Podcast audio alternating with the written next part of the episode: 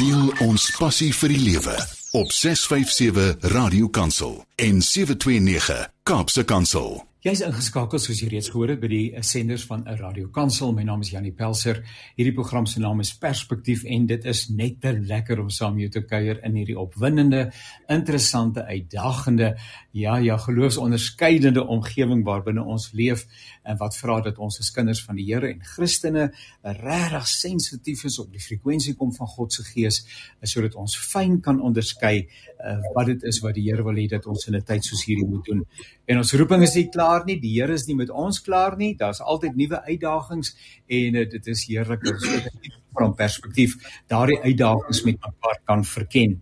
En dit is ook waaroor hierdie program gaan. So baie baie dankie dat jy ingeskakel is. Bly asseblief ingeskakel. Ons kuier verder met mekaar in hierdie program. Nou ek herinner net dat die programme van die Radio Kansel, hierdie program Perspektief as 'n potgooi beskikbaar is by www.radiokansel.co.za en jy gaan soek maar net vir Perspektief. Ek is seker as jy nou saam met ons gekuier en geluister het eh, dat jy dit sal wil uh, aanstuur stuur na kollegas en ander mense is sodat jy ook in jou eie kring 'n moontlike gesprek rondom hierdie saak uh, van die grond af kan kan kry. En op dié manier word jy ook 'n medewerker in die verandering wat so broodnodig is in ons wonderlike land Suid-Afrika.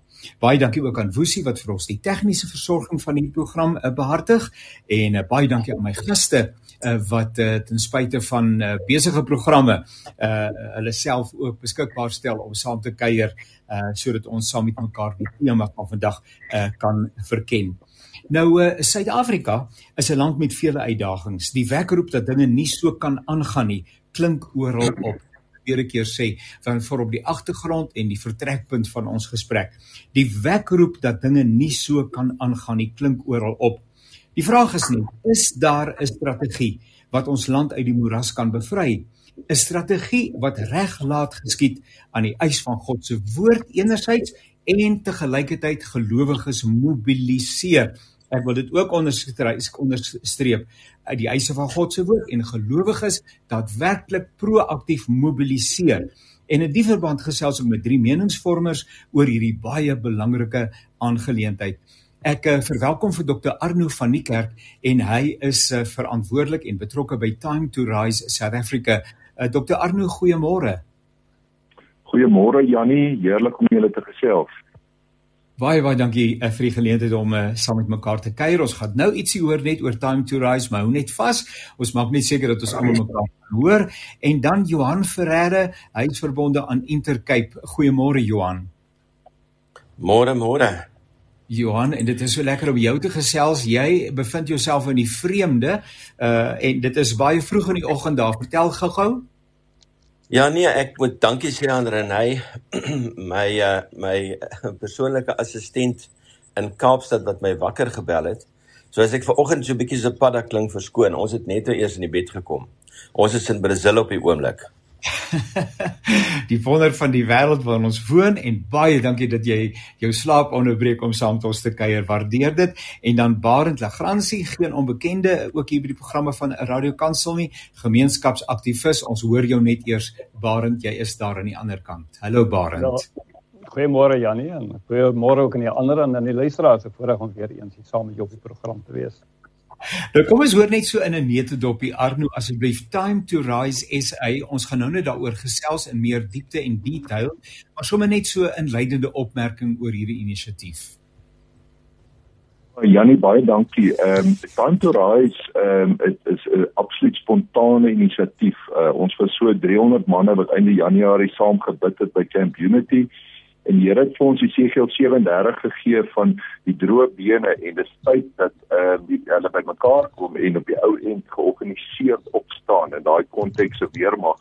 Nou natuurlik in in terme van die liggaam van Christus is dit nodig dat die liggaam bymekaar moet aansluit. So dan toe raai is eintlik maar net 'n voertuig om hierdie grondslag mobilisering van die liggaam van Christus uh, te aktiveer en in 'n rigting te stuur waar ons daadwerklike impak kan uitoefen om sout en lig te wees in die land. Wonderlik, uh, ons gaan nou meer daaroor gesels en dan uh, Johan Ferreira nou Intercape. Die mense kan nou sê wat vir 'n ding is dit? Hoeveel kape is daar dan? Uh, tussen die kape wat jy wil rondry of iets van die aard, maar vertel ons net in 'n net op wat is Intercape? Dit is eintlik Intercape in Afrikaans. Ehm um, en dis eintlik die naam wat ontstaan het in 1980 toe my oorlede pa en ons as gesin getrek het van dan Suidwes nou Namibië uh Kaap toe om 'n diens tussen Kaapstad en die lughawe in te stel 'n 'n busdiens.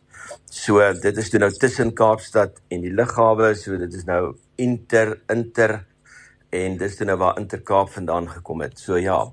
En ehm um, en vandag is dit die grootste interstedelik en ook interprovinsiale oorgrens luxe passasiersdiens in Suid-Afrika. Baie baie dankie. As jy ooit iewers heen moet gaan, dan hoor jy nou jy kan met Intercape reis en dan Barend Lagransie, Barend net so ietsie weer oor jou konteks as 'n ek noem jou sommer 'n gemeenskapsaktivis want ek dink dis 'n fenominale beskrywing vir 'n man wat eenvoudig 'n droom het vir Suid-Afrika. Ja ja nee, ek gee nie om wat jy my noem nie. Ek is partykeer 'n straatveer in Alexandra en dis ook goed. Jy weet, solank ons verandering bring en ons bring 'n bietjie orde. Ja, ek is wonder aan die Privilege Foundation waar ons spesifiek kyk na die belange van kinders, saam met die stigter um, Ferry Engelbreg wat dit so 7, 8 jaar gelede begin het en dan ons het 'n raad wat daarna kyk. Ehm uh, en dan is ek ook een van die sameroepers van uh, die netwerk, die dialoog vir aksie in Suid-Afrika, een van 'n paar sameroepers en uh wat ons mense ook mobiliseer om te kyk wat kan ons alles doen in Suid-Afrika. En verder as ek baie lief vir reis, ek het sopas teruggekom nou 'n paar dae gelede van um, van Rwanda af waar ons 30 mense gevat het, ek en ons Groenland. So eentjie gaan uh, weer eens Rwanda gaan besoek, amper soos 'n uh, feite sending om te kyk hoe dit daar gaan en wat kan ons ook toepas hier in Suid-Afrika omdat dit in baie opsigte is daar goeie orde en daar's dissipline ensovoorts. En ek wil net gou daarom net sê vir Johan Ferreira, um, jy weet sy pa en my pa het mekaar goed geken. Jy weet my pa was die een wat die huurmotors gehad het, destyds saam met die Delhousies. My pa's Benny Legrandsie en hy het vir jou pa baie goed geken. So ons het so al van verbintenis, jy weet. En ek het al dikwels met Intercape al weer gery tot hulle Longwe of in Lusaka met my Afrika reise. So ek ken Intercape baie goed.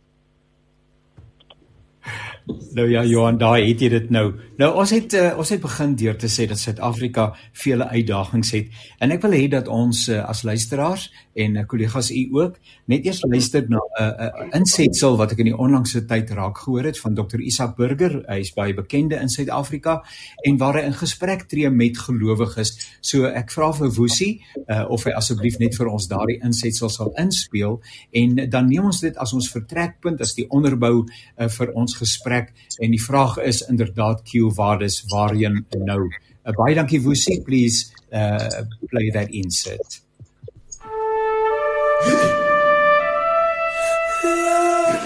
Like never before, the time has come that the church, as agents of God's kingdom, has to fulfill its God's given calling and mandate in South Africa. It is a shameful reality that criminals, crime syndicates, and corrupt politicians have succeeded to almost ruin a country with such a high percentage of Christians. As believer, I find it embarrassing that we as a country is in the world's top league regarding almost every evil practice. Anger and despair is rampant in South Africa.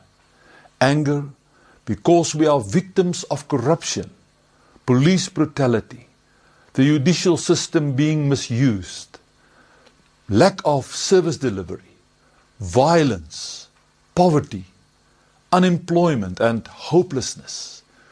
We have some political leaders with evil hearts and minds who exploit many vulnerable people and incite polarization, hatred, and racism. However, there is something called holy anger the anger Jesus experienced at the temple when simple people were exploited by people for ungodly, materialistic, and self centered purposes. To experience a holy anger doesn't mean that we do not strive for biblical values and the fruit of the Spirit. It means that we will be angered by the things that anger God, that we cherish what is good and noble, but hate evil and God dishonoring values and actions. As believers, our highest loyalty is to Jesus Christ, the King of the Church. The promotion of His kingdom must be our highest earthly ambition. Our identification and unity with fellow believers across denominational, language, and ethnic divides is more important than our ideological and political preferences. As Christians, we form the largest unofficial entity in South Africa. As election time draws nearer, you can expect to see renewed attempts by politicians to attract the attention and win the support of Christians. Even those leaders who show little Christian character and who have even recently demonstrated their dislike of the God of the Bible and the values of Scripture will increasingly show up at Christian gatherings. The bigger, the better. I find this religious window dressing to gain political support despicable. We should not be so naive to be impressed and misled by such. The church is not the handmaiden of the state. As believers, it is important to support organizations and social actions with proven integrity and fight against the corruption, crime, and anarchy in our nation. As Christians, we should also pray with more intensity. The struggle in our country at this time is, as Paul said in Ephesians 6, not merely a struggle against flesh and blood, but against evil spirits and principalities in the spiritual realm. This implies spiritual warfare. We needn't have to spend too much time in praying for wisdom for our political leaders. They are supposed to do it themselves.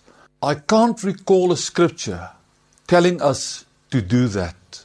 What I do read is what Paul wrote to Timothy in 1 Timothy 2, verse 2 and 3 that we should pray for kings and all who are in authority, that we may lead a quiet and peaceable life in all goodness, godliness, and reverence. For this is good and acceptable in the sight of God our Saviour. The goal and purpose of our prayers for those in authority is that we may have a quiet and peaceful life in all godliness and reverence. The way our current government is ruling is not good and acceptable in the sight of God our Saviour. Therefore, fellow Christians, it is time for us to rise and fulfill our calling as kingdom agents in South Africa.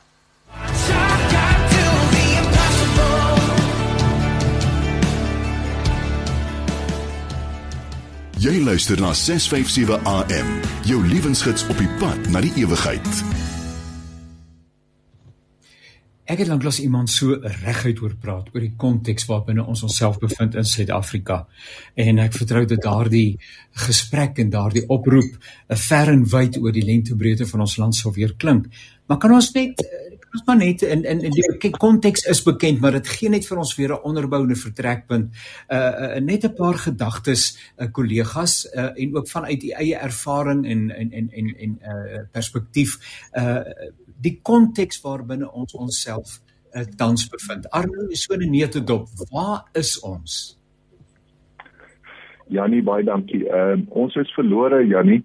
Ehm um, ek dink die land is duidelik op 'n dwaalspoor. Uh, ons kompas is verlore en ons almal ken die redes vir dit. Uh, want ons waardesisteem is is absoluut glad nie die woord van God nie en dit sou in terme van jou jou jou regeringsleiers en die in besluitneming. So ek dink uh, die krisis waarin ons ons bevind is 'n is 'n is 'n simptoom van 'n uh, 'n leierskapkrisis, 'n uh, 'n waardesisteemkrisis en dit lei na alle forme van verval. Ek meen ek is 'n ekonom en ek kan vir jou sê uh, hierdie ekonomie het nie uh, skaars 5 jaar in hom nie. Die tyd die die spoed waarteen kapitaal die land verander is is angswekkend. Ehm um, jy weet so so dis alles die gevolg van 'n morele verval en eintlik is daar geen leierskap uh om uh enige nuwe rigting aan te dui nie en ek dink uh dis dis dis die situasie. Waarend Suid-Afrika is te mekaar. Ja, ek dink hy sal vir baie baie jare de mekaar. Partykeer kom ons net nou agter vir alles so dit so naby aan 'n mens kom in jou eie geriewe en dan besef baie mense eers maar ons is in 'n in 'n krisis. Ons is eintlik al baie jare in 'n krisis. Jy weet, ons kyk uh, in globaal na Suid-Afrika se omstandighede en ons sien dat daar is al die, ons ons werkloosheidssyfer afhangende van die definisie hoe wyd jy dit wil sit is hier rondom die 40% plus. Uh daai die mense het nie het nie het nie werk nie en daarom het hulle nie kos op die tafel nie miljoene woon in informele nedersettings soos ons het ken as plakkerskampe. Uh uh 12 miljoen mense gaan vanaand uh honger slaap en dan kom ons bytelmal op 'n sekere punt en dink ons ons is nou vir die eerste keer 'n krisis. Ons het al vir baie baie jare krisis. En en ons het verandering nodig en ek is baie bly dat daar baie mense in Suid-Afrika is vir baie jare wat hulle groot rol speel anders was ons nog in 'n groot krisis geweest. Uh maar die ding is ons is nou in 2023 en is baie duidelik dat uh en ons is eerlik daaroor dat die regering het die groot oorgrootste meerderheid van hierdie mense in Suid-Afrika gefaal. Hulle het uh, hulle het 'n sekere bepaalde 'n plig om te doen wat ten opsigte van veiligheid, ten opsigte van werkskepping, ten opsigte van baie ander ander ander sake soos onderwys en gesondheid en opleiding. Uh en ons is baie duidelik in 'n posisie wat hulle nie hulle pligte nagekom het en dit ons 'n baie duidelike verandering nodig. Maar terselfdertyd kan ons sê ons kan nie terugsit en wag vir een keer of 5 jaar vir 'n verkiesing en en nie hoop dat gaan 'n nuwe regering kom nie. Ons moet nou sekere dinge doen om die omstandighede van ons mense uh te verbeter. En dit is en dis dit is wat geskied. Baie baie nuwensgewende organisasies uh en nie politieke organisasies, uh geloofsgemeenskappe doen reeds geweldig baie sover as moontlik. Maar ek dink wanneer ons uh uh nog groter dinge wil doen in Suid-Afrika om meer mense se lewens positief beïnvloed, dan sal ons moet opstaan op verskeie vlakke en ook op die politieke gebied. Johan, jy as eienaar van Intercape uh het uh, die realiteite van uh Suid-Afrika in die onlangse verlede aan eie lyf gevoel as ek die woord kan gebruik. Vertel ons asseblief daarvan en uh, en en hoe uh, het jy vind jy 'n balans tussen uh, die feit dat jy kind van die Here is, dat jy bid oor hierdie goeders, maar dat jy ook iewers 'n bietjie ruggraat vertoon in die verband? Ja, Janie, dankie. Ek ek hoop ek vertoon baie ruggraat en nie net 'n bietjie nie. so nee, weet jy dit is dit is waar. Ek luister ek luister na die na die na die sprekers en en ek luister na almal rondom my en op die einde dag jy weet, ek dink die tyd het gekom om te doen en en ongelukkig nie meer kos om op die kantlyn te sit nie. Maak nie saak in watter twee van die samelewing jy sou tans heers in Suid-Afrika ehm um, is bevoordeel van elke uh Suid-Afrikaanse burger. Jy weet, ek dink ons is in die tyd van hiermee wat jy aan die een kant, jy weet, aan die een kant moet jy veg met jou spies en jou en jou skild en aan die ander kant moet jy moet jy die muur bou van die stad. Nou, jy weet in my geval het die taksies die geveg na my toe gebring, na my industrie gebring en letterlik oorlog verklaar en begin moer ek kan dit nie anders stel nie. En wat vir my regtig ontstellend was en ek was ongelukkig naïef en jy weet met die tyd verloop het die hulle van my oë afgeval. Ek was regtig naïef om te dink dat president soos Ramaphosa en dan Fikile Mbalula wat die minister was en nou tans Cele wat die minister van polisie ek het reg hulle die burgers waar die ANC se stem ehm um, uh, baie ondersteun word. Uh dat hulle hulle burgers sal beskerm. Vergeet 'n bus, jy weet 'n bus is 'n ding wat jy reg. Maar mense 60 was wat onskuldig ras van een punt na blootstel aan aan aan aan hierdie aanvalle aand na aand week na week maand na maand na jaar na jaar en net eenvoudig doodstil is omtrent jy weet dit wat aangaan het my regtig laat besef dat ehm um, hier is baie meer aan die gang agter die skerms as wat ons dink. En in my geval is dit die stert wat die hond swaai. Dis die taksies wat regtig uh beheer uitoefen oor die regering. Daar's by my geen twyfel. Nou ons het nou al 5 sake gewen. Ehm um, ons is op pad nou die 20ste met Becky Chelly na na ehm um, na die hof En dit gaan bloot daaroor dat die polisie arresteer nie meer kriminele nie. Jy weet as jy as jy inbraak by jou huis het, kom die polisie uit en dis maar net akademies net om 'n saaknommer te kry vir die versekerings. Daar's geen hoop dat iemand gearresteer gaan word nie. En ek dink dit is laag vir laag vir laag tot by die president wat net heeltemal disfunksioneel is. So, jy weet, ons kan ongelukkig nie meer praat oor hierdie goed nie. Ehm um, ons moet gaan bid en sê Here, wat het U in my hand gesit wat ek ver oggend vandag verantwoordelik vir is en wat ek kan gebruik om in hierdie wanorde orde te bring. As ek luister, baie dankie Johan en uh, ons gaan uh, nou net kyk of ons vir jou op die telefoon in die hande kan kry. Ek wag net om te kyk of ons 'n telefoon 'n uh, nommer kry uh, want jy breek bietjie op, maar ons hoor daarom en ons wil eers ons gaan vir nou eers so voort. Uh, dankie vir Woesie ook, vir my daarmee help. Maar maar kollegas Johan en en en en uh, uh, Arno en Barend. Ek luister na ehm um, na dokter uh, Isak Burger en ek worstel met die balans tussen bid en doen tussen vertrou en hande uit die mou uitsteek tussen bely en proteseer en um, ek luister na dokter Isak Burger en ek het die grootste agting en ek dink dit is 'n fenominale voordrag. En ek wens ek kan dit speel in die kantoor van die staatspresident maar ek voel in 'n lig leegte gelaat iets moet gedoen word maar wie wat en waar uh, moet dit gedoen word. As ek aansluit by Arno wat sê dat die ekonomie in Suid-Afrika ons nie vir 5 jaar gaan deursien nie, dan is ons by 'n kairos moment. En ehm um, hoe gaan ons van hier af verder? Uh, Arno Time to Rise SA verwys. Hulle het 'n 5-punt strategie of 'n 5-plan strategie waarop gemik is om Suid-Afrika uh, op 'n pad van verandering te bring. Wil jy ons asseblief daarvan vertel nie? Ja, ehm um, dankie Jannie. Ehm um, Weet jy net om gou aan te sluit, ek dink net by wat Johan ook sê, ons sit eintlik maar met 'n verrotting. Dis dis nie net, jy weet, 'n regering of die daarbo of dis stelselsisteme, jy weet as jy kyk jou onderwysstelsel, alles is letterlik in in 'n vervalle toestand en daar's geen plan, geen inisiatief, geen befondsing selfs nie. Ons het selfs nou by die minister van finansies gehoor ons ons staatskas is is uitgeput. Ons sit met 'n fiskale tekorting van 135 miljard rand. Dis die grootste in in in is in baie baie dekades. So ehm um, uh, daar's geen insentief nie en daar's ook geen vermoë nie. So ter aansluiting by by by die gedagte dit lê by die mense. Ons as mense op grondvlak sal moet hand in die ploeg slaan.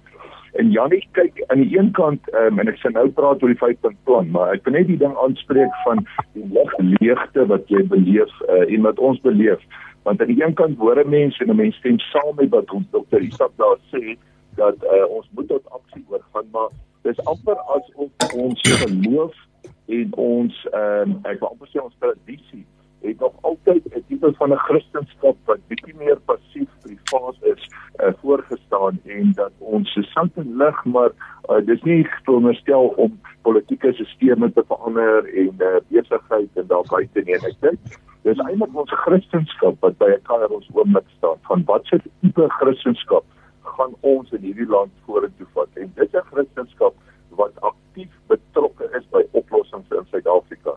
Dit is 'n 'n warm Christendom, die lou Christendom passiwiteit sal moet tot 'n einde kom. En eintlik word ons as Christene gedwing tot aksie. En jy sien ehm um, dit was presies die beweegrede agter daan toe rise want daar's geen uh, kollektiewe inisiatief in die land nie. Daar's baie kerke daar's baie uh, uh inisiatiewe maar dit is geïsoleerd en op sy eie. En daar's niks wat Christene uh oor die spektrum kleurgrens uh, kerkgrens ouderdomsgrens bymekaar bring het en dit was die beweegrede vir time to rise en as ek net in 'n netedop kan noem en 'n mens kan dalk later meer in detail praat daaroor ekskuus tog oor die antwoord blaf ehm um, is dat stap 1 gaan oor ehm um, ons sal moet by mekaar uitkom aanhaak by mekaar. Ehm um, een van die grootste krisisse en ek hoor wat Johan sê en ons almal ons sal moet doen. Ons uh, jy weet die ou mense het gesê jy moet bid maar jy moet spit ook. Dis bid en spit prakties. Uh, in die een hand het ons 'n gevegsinstrument, die woord, in die ander hand het ons 'n bouinstrument. Ehm uh, maar die krisis is ons is geïsoleerd en ons sal moet by mekaar aansluit en met Time to Rise het ons basies die platform geskep en die voertuig gebou om dit te kan doen. So eerstens aansluit, nommer 1, aanhaak by mekaar en en en Jesaja uh, skiet op ehm Jesegiel 37 sê bound to his bone. Uh, elkeen uh, sluit aan by ander wat dieselfde roeping het. Nou daai hele meganisme en uh, metodiek het ons geskep binne time to rise plan die stap 2 in die plan is ons moet georganiseerd raak. Ons moet op grondvlak in ons gemeenskappe bymekaar aanhaak, wie wat dieselfde visie, dieselfde hart het, kry naaste bouers en dan moet ons reg netwerk nou reg oor die land en uh, dan moet 'n kruisbestuiving wees. As ons 'n landbouplan het dan moet dit op grondvlak uitgerol word maar dit moet ook beskikbaar wees om beleidsvlak te kan informeer. En dan stap 3 is ons moet by mekaar uitkom. Stap 3 is 'n byeenkoms buite Bloemfontein uh, op Oliver Roux se plaas uh, waar die eerste staan byeenkoms was van 6 tot 8 Oktober hierdie jaar waar ons bymekaar gaan kom en ons as Christene gaan aanhaak bymekaar en die Here sê nou wat daar eenheid is gebied hy sy seën. Maar mense moet 'n belewenis hê van regtig eenheid. Uh, anders bly dit maar geïsoleer. Stap 4 is om die Here te vertrou vir 'n vir 'n regverdige, godvreesende regering in 2024 en dat ons die Here vertrou vir letterlike wonderwerke in hierdie land. En dan stap 5 is om te sê ons wil saamwerk van grondvlak tot op die hoogste vlak en hierdie land herbou. Uh dit gebeur al klaar. Uh ek moet vir jou sê mense is al klaar in gemeenskappe besig praktiese oplossings, uh kosverspreidingsnetwerke ensovoorts. Daar's 'n klomp bloudrukplanne beskikbaar en met Tantoraai maak ons hulle bymekaar en gaan ons hulle beskikbaar maak en soos wat ons hand in die ploeg slaan van mense die nodige gereedskap het om daai verskil te gaan maak. En baie mense wil 'n verandering bring maar hulle weet regtig nie hoe nie. En dit spyt dat ons die wysheid bymekaar sit. Die skrif sê duidelik en ek sluit af met met dit uh Efesiërs 3 vers 10, maar nou het God die ryke verskeidenheid van sy wysheid deur sy kerk bekend laat word aan elke mag en gesag in die hemelruim. Soos Dr. Isak gesê het, gesê het ons geveg is nie teen vlees en bloed nie, maar teen owerhede en magte die die die voordeel wat ons het en dis wat ons moet gebruik dis die binnebaan wat die liggaam van Christus het is dat die meerderheid van Suid-Afrika is Christene ons moet net by mekaar kan aansluit en die wysheid wat onder ons is swart wit kleurling indeer uh, you name it uh, moet ons met mekaar begin deel en dit begin toepas en uh, dit is ek wil amper sê soos Gamaliel gesê het as dit van die Here is sal niemand dit kan stop nie Elias Rebeelgamme van Radio Kansel hierdie program se naam is Perspektief. My gaste is Dr Arno van die Kerk, Johan Ferreira en uh, eh, Barend Legrandsie. Ons gesels oor Suid-Afrika en die subteks is Q Vadis waarheen nou hier op die vooraand van 'n verkiesing in 2024 uh, waarin daar gebid word vir verandering. Uh iemand het uh, ek dink dit is um Corneille Mulder praat van regimeverandering uh maar oral die wekroep dat as kinders van die Here as Suid-Afrika uh en en Arno het nou reg gesê dat die meerderheid in Suid van mense in Suid-Afrika identifiseer ten minste uh, op 'n sensusvorm met 'n Christelike lewens- en wêreldbeskouing. Uh en as ons nie nou by mekaar inhak en sê maar ons moet nou die verandering uh in die naam van die Here as dit ware ehm um, gestalte gee nie uh, dan gaan ons miskien nie die volgende 5 jaar kan uh, oorleef nie.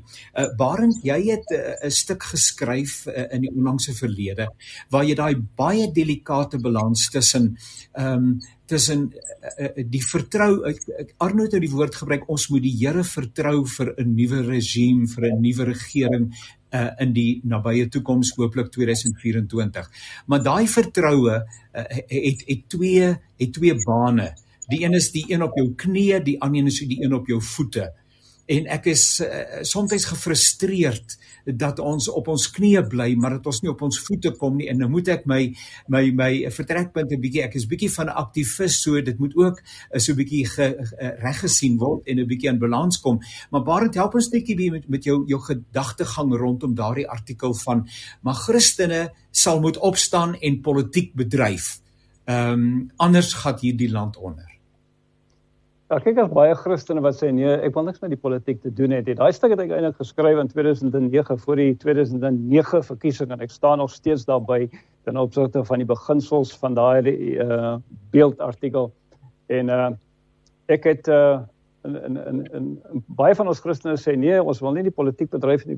Politiek is 'n vuil speletjie, maar politiek is is nie 'n vuil spel nie. Dis die politiek binne in die politiek wat vuil is. En daai politiek kry jy binne in die kerk, binne in sport en by klubs en uh in 'n gemeenskap.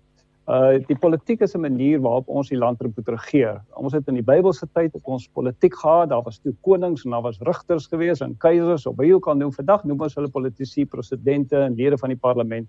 So ons kan as Christene ons nooit losmaak van die politiek nie. Al sê jy jy wil niks met die politiek te doen hê, die, die politiek gaan met jou iets te doen hê. Want alles is eintlik politiek. Jou watervoorsiening, jou jou elektrisiteitsvoorsiening, jou dienste voorsiening. Al hierdie dinge het te doen met politiek en ons kan nie passief terugsit en sê nee, dit is nou net die regering nie. Ongelukkig wanneer die politieke wil ontbreek, wat ons nou sien, wat gebeur oor baie jare, is dit die gemeenskapswil, die mense se wil moet inskop. En dan is dit 'n kwessie van net bid nie. Jy weet die Bybel leer vir ons geloof sonder werk het geen betekenis nie. Die die, die, die balans moet daar wees. Jy weet hoeveel iemand bid en hoeveel iemand prys en worship stel ek byvoorbeeld nie in belang nie. Dis sy persoonlike saak. My pa het altyd gesê man, as jy nou klaar gespring het en geprys en worship het en jy land weer op jou voete, die vraag is stap jy dan die reguit pad. So uh, en, en doen jy iets. Jy weet. So en, maar prys en worship gebed is deel van ons aanbidding in baie godsdienste. Maar die vraag is wat doen ons? En dis hoekom ons kan nie net passief terugsit en niks doen nie en dit is ook waarvoor ons al vir 'n hele aantal jare betrokke is by by die opheffing van platlandse dorpe wat dienste byvoorbeeld nie swak dienste is nie, daar's baie keer geen dienste nie. Maar ons kan nie toelaat dat mense nie water het nie of dat die sanitasie die hoofstraat inloop ensovoorts nie. En ons moet kyk na behuising, ons kyk na die behoeftes van die mense. So terwyl ons bid en terwyl ons glo daar kan verandering kom, seën die Here poging. Jy weet ek het vanoggend nie hier uitgestap en, en uh, die die voeltjies van die die Here sê hy sorg vir die voëls van die hemel, maar ek het nou nie die voeltjies op die draad gesien en met hulle met hulle bekkies oop en wag dat die kos inval nie. Nee, hulle gaan vlieg rond en hulle gaan soek en dan sorg die Here. En dieselfde beginsel moet ook geld. Dis hoekom dit vir my ongelooflik wonderlik is dat mense het eenvoudig lyk like dit vir my begin om so bietjie uit hulle gemak so en uit te beweeg vorentoe te kom en sê nee, ek wil betrokke raak. Ek wil betrokke raak oral. Al is dit in die politiek, ons Christene behoort in alle aspekte van die samelewing betrokke en sigbaar te wees. Dis waar ons moet lig wees, dis waar ons moet sout van die aarde wees. Die vraag of ons in 'n politieke party moet stig of mobiliseer as Christene teen die regering, dis 'n ander saak en en dit is dit is nie die iets wat ek 'n groot voorstander is nie, maar wat ons moet wees, ons moet werklik waar betrokke wees om uh, mense se omstandighede in Suid-Afrika te verbeter wat leierskap op die huidige stadium is nie 'n swak leierskap is nie, daar's eenvoudig geen leierskap. Johan, as 'n mens hierdie pad wil stap, dan moet jy jy het net toe gesê nie net 'n bietjie nie, maar jy moet 'n ruggraat hê. En uh vertel ons bietjie uh, hoe hoe balanseer jy daai uh, ding van ek ek is oortuig daarvan dat jy jou tyd op jou knieë deurbring, veral as hulle jou een na die ander bus brand. En uh ek vermoed dat jy ook persoonlik geïntimideer is. Uh en dan staan jy daarop en dan sê jy maar met saam met God spring ek oor 'n muur loop ek 'n bende storm. Hoe kry jy daai balans? Waar kom dit vandaan? Ja, Janie, weet jy, dit is maar dit is maar 'n pad wat 'n mens met die Here stap. So ek het tot bekering gekom hier in 20 jaar terug en ehm um, God het my regtig baie kragtige manier aangeraak en 'n pad het nou begin skap, maar dit is ook 'n pad om my geloof te stig en ehm um, ek het ek het regtig 'n ontmoeting met God gehad. Ehm um, seker so 15 jaar terug. So God vir my is 'n realiteit. Ehm um, in die besigheid ook, ek weet Intercape sê ek altyd vir my vir my personeel, weet uh, uh, we busy building not a business but a kingdom business. Jy weet ons is daar om God se woord te verkondig op die voertuie. So al die passasiers, 2 miljoen van die passasiers wat ry elke maand sit onder die woord. so Ehm um, hoe balanseer mense hierdie goed? Net op die einde van die dag, jy weet, ons moet aanvaar ons is in 'n gebroke wêreld. En ons moet ook aanvaar, jy weet, dat ehm um, dit wat dit dit die die die die die is nie geveg ehm um, wat jy net op die grond slap nie. Dit is 'n geveg wat in die in die gees is reël en ook geveg moet word. So jy moet op die gees en op die vlees moet jy veg. So ons bid elke dag, elke aand vir elke voete wat op pad is Maar jy weet dan moet ons ook doen op die einde van die dag. So Jesus het ingegaan in die tempel en die tempel gaan skoonmaak want dit wat alles daar aangegaan het. En ehm um, hy het dit met die sweep gedoen. Nou, jy weet, ek kan ongelukkig nou nie in die kantoor van die minister ingaan en sweep uithaal en die kantoor skoonmaak nie. So nou moet jy slim wees, jy moet dit op 'n ander manier doen. So ja. so ek dink in hierdie geval was 'n bietjie van 'n Goliat en Dawid geval. Ek dink nie hulle die klein kippie van die reg gesien kom. Uh maar is onder tel. Jy weet en en en, en ons um, ons het baie groot sukses bereik, maar dit gaan ook 'n uh, 'n platform wees hiervandaan na vorentoe want dit is dit is 'n Engels sê reportable cases. So ander besigheidsmanne, die manne in die straat kan hierdie sake gebruik as 'n voorbeeld waar jy die regering verantwoordelik kan hou. Nie net die regering van vandag nie, maar ook die regering na 2024. So, ehm um, as as as ons as 'n maatskappy, as as 'n groep mense Hallo Johan. As ons nou as ons nou al pad gestap het met God, dan sou ons nie, jy weet, saam kon gestaan het deur hierdie moeilike tye en ons oog net op die Here hou. Ons kyk nie na die water nie, weet, ons kyk nie na die omstandighede nie, ons kyk na God en ons kyk na wat God gaan doen en al reeds gedoen het. Uh ek lees maar net en ek miskien herinner die Here my aan hierdie vers wat sê as voetstofsoldate jou moeg hardloop, hoe sal jy teen perde kan hardloop? uh Suid-Afrika as voetsoldate jou moeg hardloop, hoe sal jy teen perde kan hardloop? En as jy net in 'n vredesame land veilig voel, hoe sal jy maak in die digte bos aan die Jordaan? En ons is in die digte bos aan die Jordaan. Arno, uh, vergewe dat ek die die punt leiber, ehm um, maar maar jou deel van jou 5 punt en van julle 5 punt plan het daarmee te doen dat daar ehm um, 'n uh, 'n sogenaamde righteous government in plek geplaas word in 2024 wat is die strategie? Eh, wat is die inhoud daarvan? Hoe hoe gaan ons en hoe gaan julle help om gelowiges te bemagtig en aan die beweeg te bring ten einde daai verskil uh daar te stel? Ja, Janie, dis 'n krities belangrike vraag. Miskien moet ek net gou konteks gee. Ek dink ek gaan sterk aansluit by Barend. Ehm um, ek dink uh, daar's 'n paar denkskuive by ons as burgers van die land en as gelowiges wat moet kom ehm um, veral in aanloop na 2024 toe. die een daarvan is om te besef dat uh, die probleem is nie die politiek nie, dit is die politieke gees wat opereer en ek dink Barend het iets van dit gedoen uh, gesê deur die onderskeid te tref.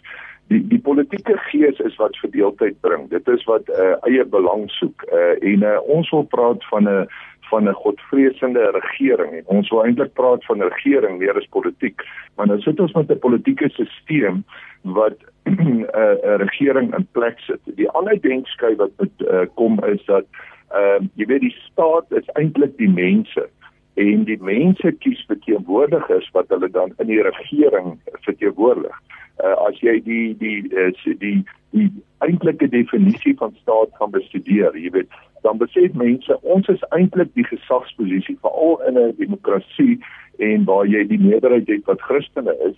Uh, 'n uh, Grondwet is is veronderstel om belyn te word met Christen beginsels, die meerderheid se se wense en beginsels.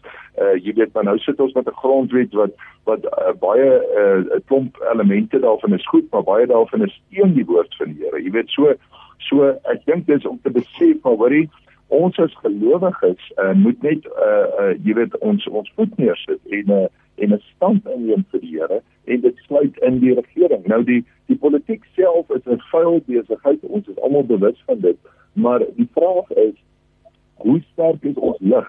Is ons lig in staat om self so binne in daai donker put um, te kan inskyn? Wel, ons het nie 'n keuse nie. Dit is absoluut nodig uh, na 94 en ek dink dit uh, baie, baie leiers het dit al erken het het die Christene of die liggaam of die kerk uh, eintlik die die die staat area of sfeer as jy dit sou kan stel uh, geabdikeer. En gesê wel daar's leiers wat dit hanteer. Ons sal kerk hou en ons sal bid en ons sal op ons goed fokus. Nou sien ons die gal so nou is ons genoodsaak om tot hierdie situasie toe te tree. Nou net vinnig as skrif en dan gaan ek jou vraag antwoord Uh, Spreuke 29 vers 2 sê daar baie duidelik: 'n volk juig wanneer regverdige mense regeer. Hulle sug wanneer goddeloses onbewind is. Hierdie land sug Jannie. Ehm um, en dit die gebrek aan regverdige mense wat nodig is in die regering. Nou goed, ehm um, uh, as ons praat van 'n politieke party of politieke partye dan is altyd die gevaar dat 'n politieke gees manifesteer en dit bring verdeeldheid. Maar prakties gesproke, kom ek sê gou vir jou, ehm um, ons sal moet as gelowiges hierdie saak met 'n uh, oopgemoed bespreek en sê dit is nodig dat daar 'n nuwe wynsak geskep moet word sodat daar in 2024 'n deurbraak kan kom. 'n Wynsak wat ons almal oor vrede het, dis 'n inisiatief van die Here af. So as ons bymekaar kom in Oktober, is dit een van die aspekte waaroor ons gaan bid en ons gaan die Here se aangesig soek oor hierdie goed. So ons gaan nie met met net net met vleespogings en uh, arm van die vlees en eie inisiatiewe vorendag kom nie. Ons gaan die Here vertrou vir uh, leiers wat nie polities gekleed is nie, maar wat staatsmanne en staatsvroue is wat die kundigheid het om op die hoogste vlak godvreesende leierskap te gee want dit gaan oor ehm um, regverdiges wat regeer wat rigting gee. En eh, ehm uh, um, die kerk die liggaam van Christus moet ons verteenwoordigers kan identifiseer wat in daai posisie in kan gaan. En dan moet die mense kan aandui wat se voordeel moet geskep word. Baie van die politieke partye kom by ons en dan sê hulle ehm uh, uh, hulle self die leier en hier's my party en hulle soek ondersteuning ons moet die proses omdraai dat die mense self besluit wie leiers moet wees. Hulle moet hulle eie leiers kies en hulle eie voorkeur gee. So daai proses gaan basies geaktiveer word. Nou ek wil net duidelik stel, Paantorai self gaan nooit 'n politieke party wees nie. Dit nie uh, kan stem vir Paantorai vir die verkiesing nie. As daar enige iets polities ge uh, voertuig geskep word, sal dit 'n aparte voertuig wees, maar dit sal deel wees van um, hoe time to rise um, leiers oprig om daai rol te vervul. Daar's topleiers in hierdie land. Ek hoef nie eens name te noem nie. Ons het 'n voormalige hoofregter wat 'n uh, moontlike president kan wees uh, as as die Here dit wil. Ander leiers wat wat wat daai kapasiteit het, wat regverdige leiers is. En hoekom kan ons nie Christene hulle laat identifiseer en dan aandui wat se voertuig geskep word. So uh Janie, hierdie is alternatiewe. Dis uh, dis moontlikhede wat ons op die tafel gaan sit. Uh miskien uh sê baie Christen wel daar is 'n uh, Christen politieke partye, hoekom nie net ondersteun nie? Dit natuurlik is dit 'n opsie. Niemand kan ons dan gedwing word nie. Ons is in 'n demokrasie vir wie wil stem maar ons moet ook vra Here is daar iets van 'n nuwe wynsak waarmee u besig is.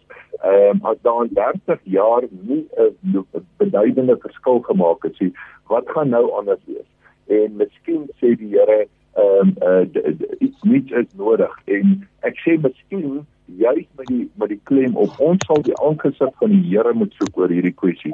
Maar iets definitief is nodig en uh, ons sal onder die leiding van die Heilige Gees 'n uh, eh, inisiatief moet neem. Ja dis een ding om te sê ons moet verskil maak en ons moet 'n uh, uh, jy weet 'n uh, impak hê maar ons stemme het 'n krities belangrike impak by die volgende verkiesing.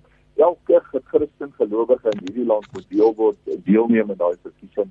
Uh, uh, uh, ons is krities nodig en daarmee saam is dit nodig dat die liggaam van Christus 'n uh, inisiatief neem. So kom ons vertrou die Here Janie, maar ek kan jou verseker uh, daar gaan 'n groot verrassing uh, tussen nou en die verkiesing op die toneel verskyn en die Here sal ons lei in hierdie saak. Eh, kollegas, ek wil graag hê dat u in die laaste paar minute, dis eintlik 2 of 3, wel is hom nou so 10 minute wat ons nog het, asseblief saamkuier Johan en en Barend ook. Ehm um, kan ons politiek praat vir enkele oomblik. Daar het in die onlangse verlede en ek doen hierdie goeders weekliks. Dis uh die goed wat op my hart is en Radikansel uh gee vir ons ook die geleentheid om uh verskillende scenario's uh, te verken uh, terwyl dit daarvan dat ons luisteraars 'n breër verwysingsraamwerk het. En nou hier dan die onlangse verlede verlede juis 'n klomp mense bymekaar gekom wat gesê het, maar eh, kom ons verken 'n nuwe pad uh 'n uh, verskillende politieke party die sogenaamde veelparty uh, beraad of veelparty wat mense ook al wil noem die Moon Pact inisiatief wat van uh, John Steenhuisen kant af gekom het in die smeer. Ehm um, Dit lyk tog asof hier wel 'n struktuur is. Uh Corneille Mulder het verlede week in ons program gesê uh tensy uh, alle samelewingsverbande aktief toetree tot een gesamentlike gesprek en inisiatief uh bly ons verdeeld. En is die krisis nie dat ons almal ek ek ek, probeer verwoord saam met julle. Sê ons maar hier gaan ons nou weer 'n nuwe pad Ehm um, wat is op die tafel? Is daar nie 'n plek waar ons kan aansluit waar ons ons stemme kan kan bymekaar voeg en kan sê maar hier is 'n voertuig wat ons moontlik vorentoe kan neem nie. Kan ek maar vra uh, asseblief uh, Barend uh, Johan uh, uh, uh, en en en Arno uh, uh, wat van hierdie veelparty beraad is dit nie 'n moontlikheid wat julle met hierdie ouens moet gaan skouers skuur en sê het ons gemeenskaplike grond uh, hier nie. Uh, kom ons praat sommer lekker lekker reg met met mekaar Johan. Ja. Ehm uh, As dit praat uh, Janie Ja Johan, ons hoor bietjie jou vir jou. Ja, Janie, so ek ja, ek dink ek dink dit is uit uit vrees dat die ANC weer aan bewind gaan kom en ook 'n realistiese uitkyk dat nie een van die oppositiepartye 'n me volstrek meerderheid gaan kry nie. So die alternatief om te dink dat die ANC weer in bewind gaan kom, moontlik, ehm um, jy weet dit is net nie moontlik om om hierdie gedagte enigstens te huisves. So die, die probleem egter wat ek net sien is dat dit staan en val by leierskap ongelukkig. En die die die leierskap in Suid-Afrika is net ongelukkig van so 'n aard dat mense volg nie die leierskap en hulle hulle gaan maklik van die pad af na die volgende party en die volgende party of stig net hulle eie party. En dit is 'n besigheid van goddelike leierskap. Uh, 'n leier wat goed in plek gesit het vir 'n tyd soos hierdie. Ehm um, ek persoonlik ondersteun die gedagte op hierdie stadium. Is dit die antwoord? Ek dink nie dit is die totale antwoord nie. Dit mag wel 'n deel wees van 'n antwoord vorentoe. Maar teen alle koste moet 'n alliansie tussen die ANC en die EFF afgeweer word. Ek dink dit is onwaarskynlik dat so iets sal gebeur. Ehm um, ek dink dit sal eerder wees tussen die DA en die ANC op die einde van die dag of hierdie koalisie uh moontlik. Maar ehm um, maar dat ons dat ons regtig arm is aan leierskap. Dit is so.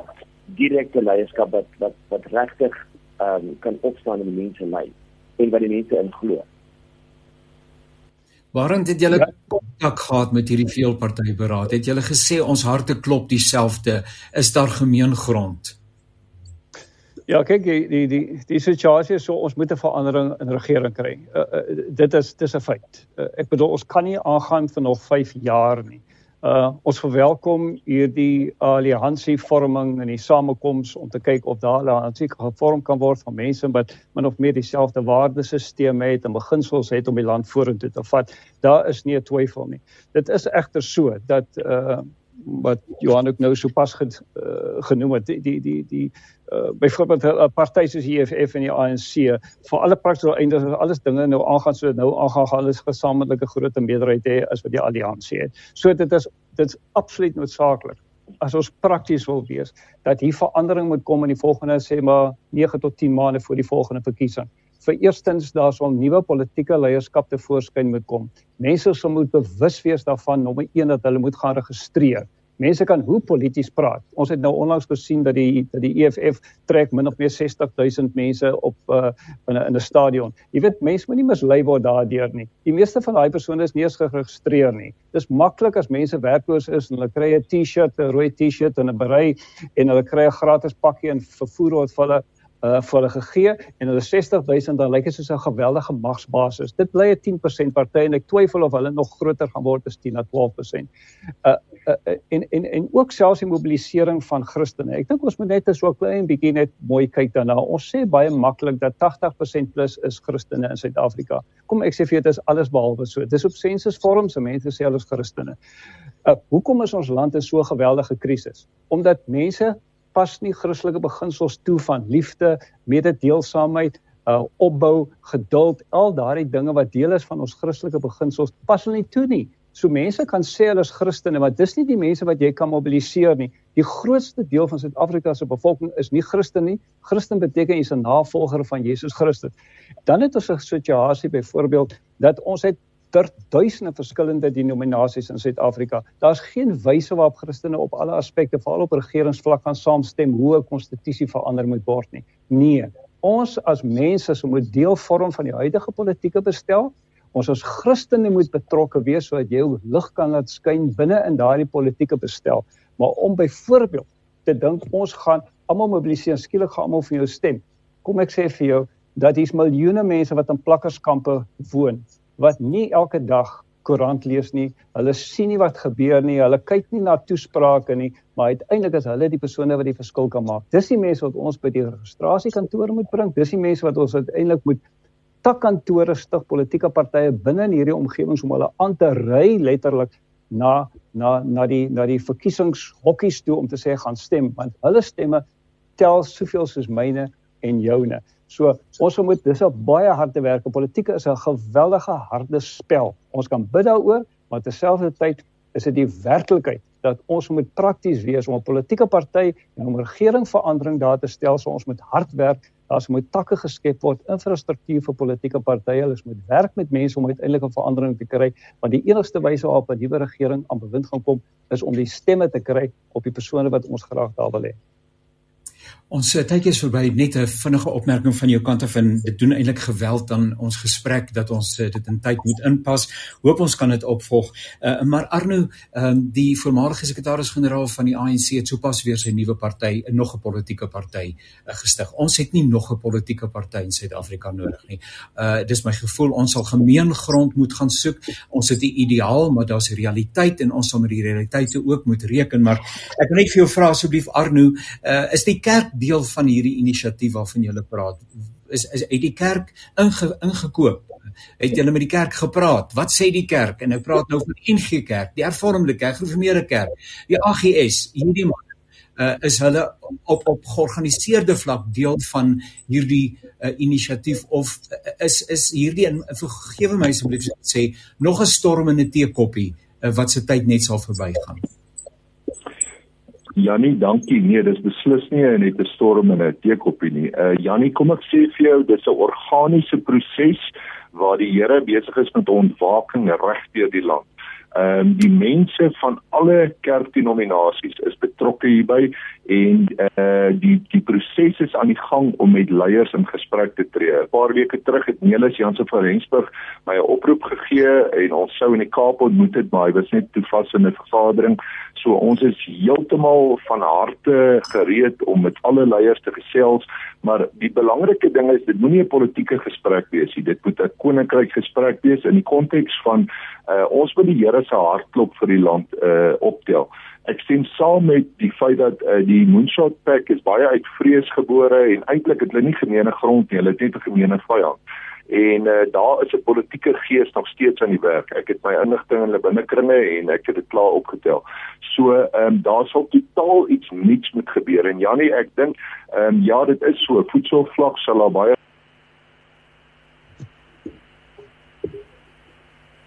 Nou het ons vir Arno hier op 'n baie baie kritiese oomblik het ons hom nou verloor uh en daarmee is ons tyd ook verby maar uh, kollegas ek dink sal met my saamstem Johan en Barend en Arno in sy afwesigheid hierdie gesprek sal ons moet opvolg uh, maar ons sal daaraan 'n uh, etiket moet plaas wat sê dringend uiters uiters uiters dringend as ons die tydsgewrig waarbinne ons onsself bevind uh, reg in ag wil neem.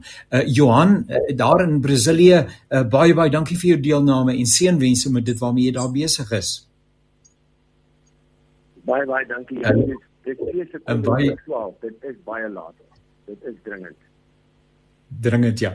Barend baie dankie uh ook vir jou tyd en dat jy altyd beskikbaar is om saam te kuier. Dis 'n plesier. Baie dankie Jannie. Goed en dan hoor ek net Arno, ek hoor jou nie. Ek vermoed ons het jou verloor. Dankie Jannie. Nietemin Ons hoor ook uh, Arno se hart. Ons tyd is verby. Uh, kollegas, ons volg hierdie gesprek definitief in die nabye toekoms op. Desnoods met meer uh uh met meer uh, deelnemers, maar uh, kom ons vertrou die Here vir 'n pad hier in sonnige Suid-Afrika. Uh Woesie, thank you so much for your uh facilitation. We really do appreciate it. Kollegas, tot 'n volgende keer. Alles wat mooi is.